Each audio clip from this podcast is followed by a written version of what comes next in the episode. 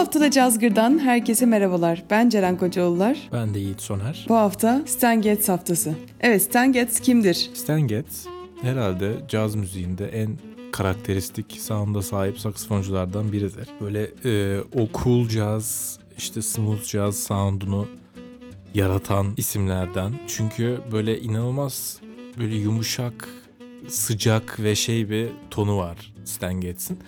Ve e, ağırlıklı olarak bossa nova tarzında müzik yapıyor. O yüzden çok fazla yani popüler kültüre girmeye çok müsait bir müzik yaptığı için çok bilinen insanlardan biridir. Bence ilginç bir hayatı var. Uzun süredir aslında böyle e, çalkantılı veya e, böyle enteresan hayatları olan müzisyenlerden bahsetmemiştik programda. Tabii, tabii çok fazla detayına giremeyeceğiz ama e, ilk olarak işte ikinci jenerasyon göçmen, göçmen klasik hikaye. Ee, okulda çok çok iyi. O kadar iyi ki 7. 8. sınıfları birleşik bir şekilde tek senede okunaca, okuyacağı bir programa falan kabul ediliyor. Birden fazla enstrüman çalıyor. İlk saksafonuyla da 13 yaşındayken babası e, sayesinde tanışıyor. Ve daha 16 yaşındayken Jack Teagarden'ın grubuna, ekibine dahil oluyor. Ee, tabii bu sırada 14 yaşındayken e, Jack Teagarden ekibine girmeden önce New York'un büyük bir lise orkestrasına girip orada e, fagot çalarak ve New York Filarmoni'nin bir fagotçusundan e, özel mentorluk desteği alarak yani klasik müzik hayatı da geçmişi de olmuş bir müzisyen. Sonrasında aslında biraz çorap söküğü gibi geliyor Jack Teagarden'ın ekibine gittikten sonra. Nat King Cole'la, Lionel Hampton'la, e, Stan Kenton'la, Benny Goodman'la, Jimmy Dorsey'le, e, Woody Herman'la çalıyor. Ve e, aslında bu zamandan sonra da önünü alamıyoruz. benim evet ben de şey olduğunu biliyordum. Klasik eğitimli ve böyle inanılmaz bir teknik saksafon üzerinde bir teknik hakimiyeti olduğu aklımda kalmış. Evet. Yani ilk çalmaya başladığı zamanlarda öyle tutuluyor ki enstrümana daha işte kaç 13-14 yaşlarında günde 8 saat saksafon çalışmaya başlıyor. O zaman dinleyelim. Bir dinleyelim. İlk, geçsen. ilk dinleyeceğimiz parçadan sadece kısaca bahsetmek istiyorum. E, çünkü kariyerindeki en önemli kariyerini belki başlatan tabii 16 e, yaşında çoktan başlamıştı ama e, meşhur caz prodüktörü Norman Granz'le yolunu kesiştiren ve onunla bir anlaşmaya imza atmasını sağlayan Johnny Smith'in Moonlight in Vermont albümü var. Bu albüm aslında Johnny Smith için de çok önemli. Onun da Cool Jazz'ın gitar kralı e, lakabını kazandığı albüm. Şimdi bu albümden e, aynı isimli Moonlight in Vermont adlı parçayı dinleyerek başlayalım. Ardından Miles Davis ile olan Conception albümünden Intuit gelsin. Daha doğrusu Miles Davis'in Conception albümünde e, konuk olarak çaldı diyelim. Intuit parçası gelsin. Live in Paris Jam Sessions adlı kayıttan. Bu bir albüm değil. Live in Paris diye ayrı bir al- albümleri var. Ondan 6 sene önce alınmış bir kayıt. Dizzy Gillespie ile beraber çaldığı Burn Tune. Güzel dinlemeler. Müzik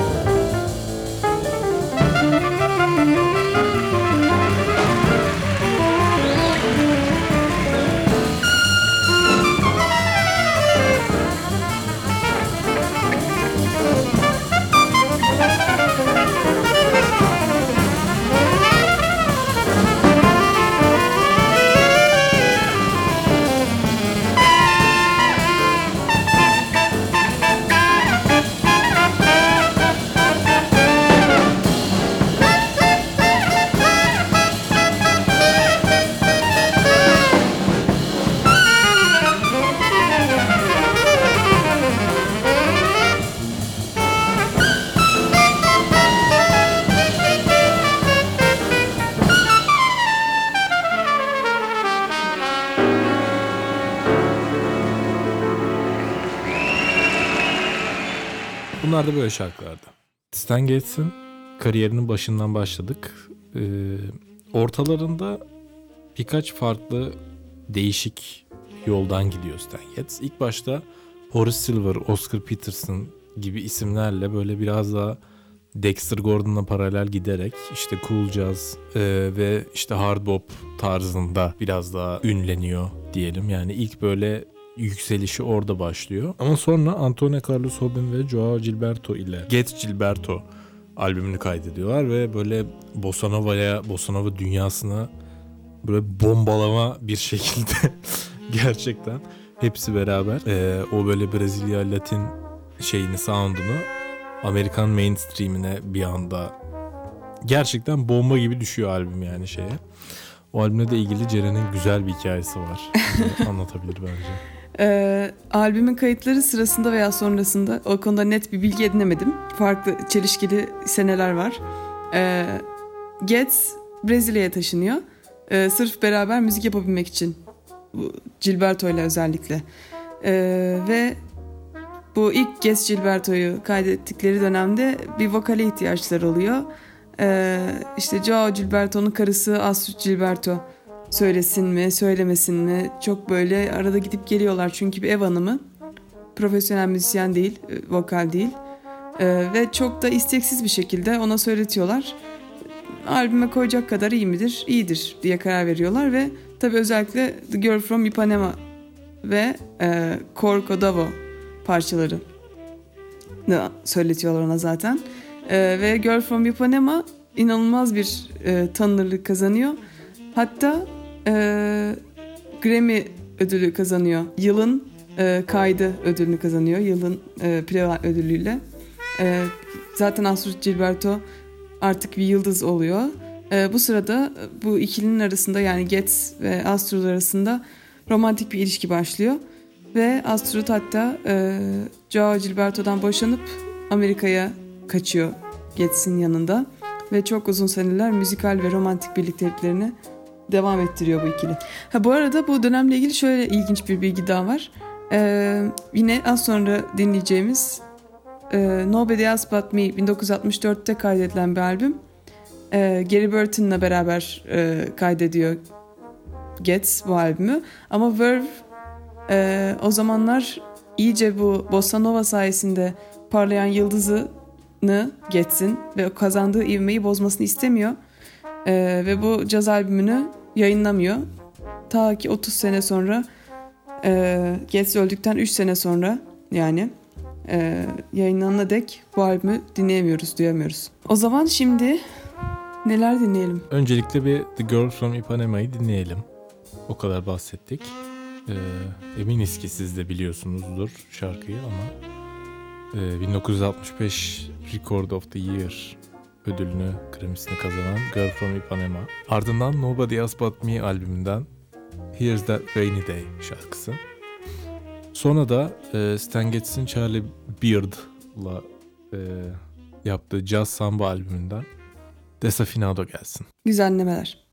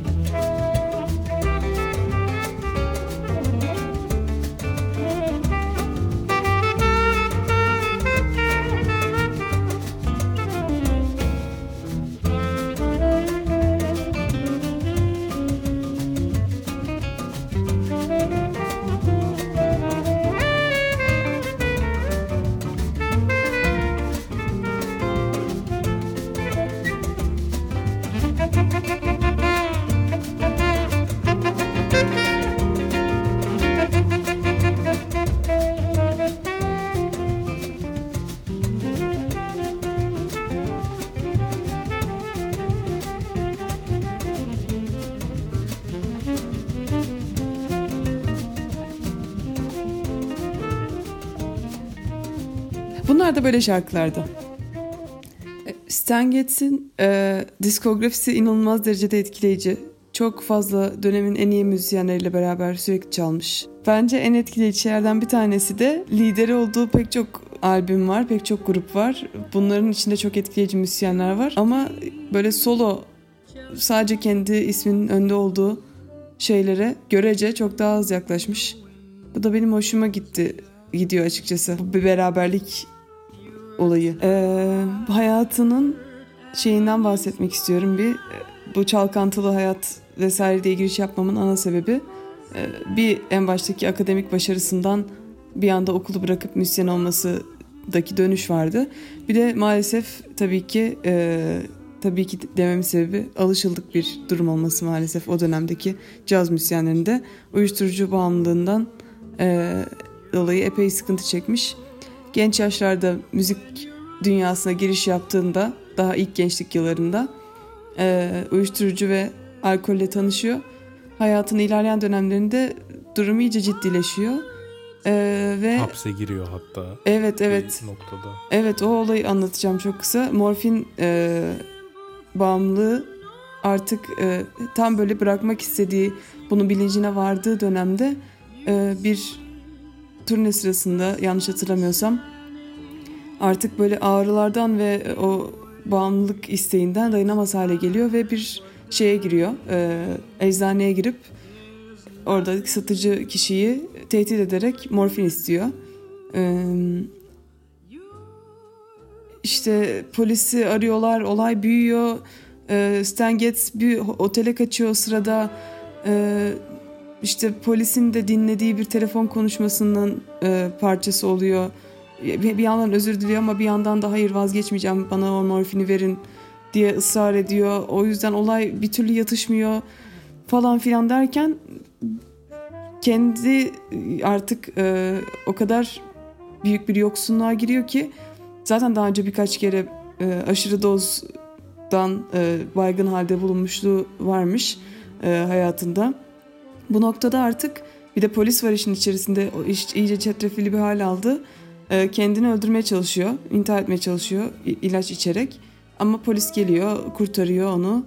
İşte midesi yıkanıyor vesaire. E,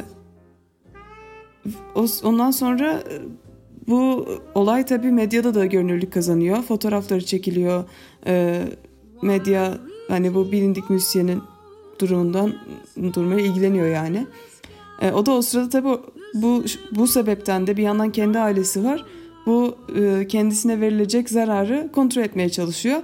E, sürekli işte ben aile babasıyım, pişmanım gibi açıklamalar da yapıyor ama e, tabii kaçamıyor durumdan. E, Yiğit'in dediği gibi 6 ay hapis yatıyor. E, ve bir ara yani bu hapis ve e, hapis süresine dahil olarak bir arada şey e, rehabilitasyon tedavi gördüğü bir dönem var. E, hastanede hatta kendisi e, rehabilite olurken alt katta karısı üçün çocuklarını doğuruyor. Böyle hazin filme benzer bir e, olay yaşıyor hayatında. Evet, Stenges'in acıklı ve zor bir şeyi de var bir yandan. Hayatı da var. Evet çok ilginç bir yaşam var gerçekten ama anlatmakla bitmez. Müziğine zaman kalmıyor biz konuştukça. O yüzden e, sizi biraz müzikle baş başa bırakalım.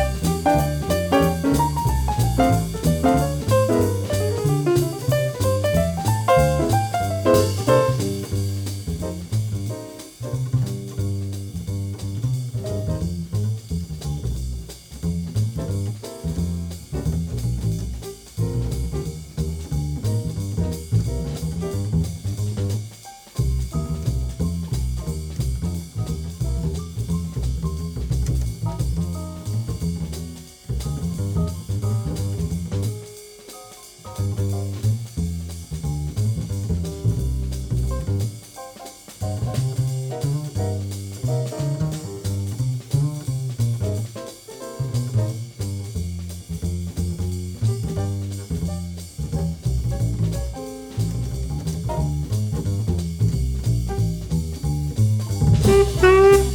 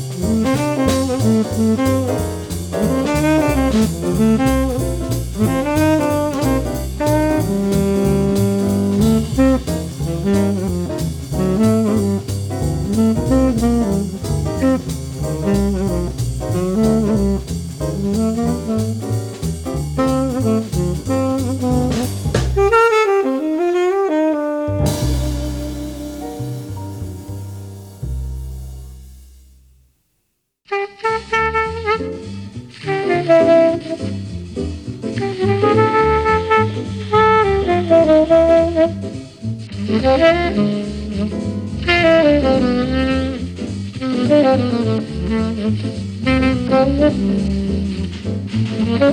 you.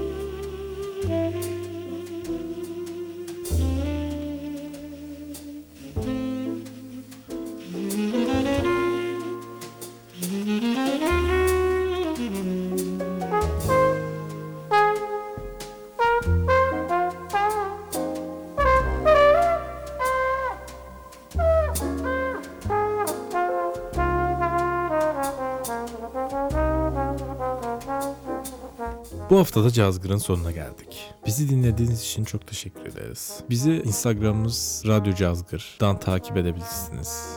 Ee, düşüncelerinizi, fikirlerinizi, önerilerinizi cazgırradyo.gmail.com hesabından bize iletebilirsiniz.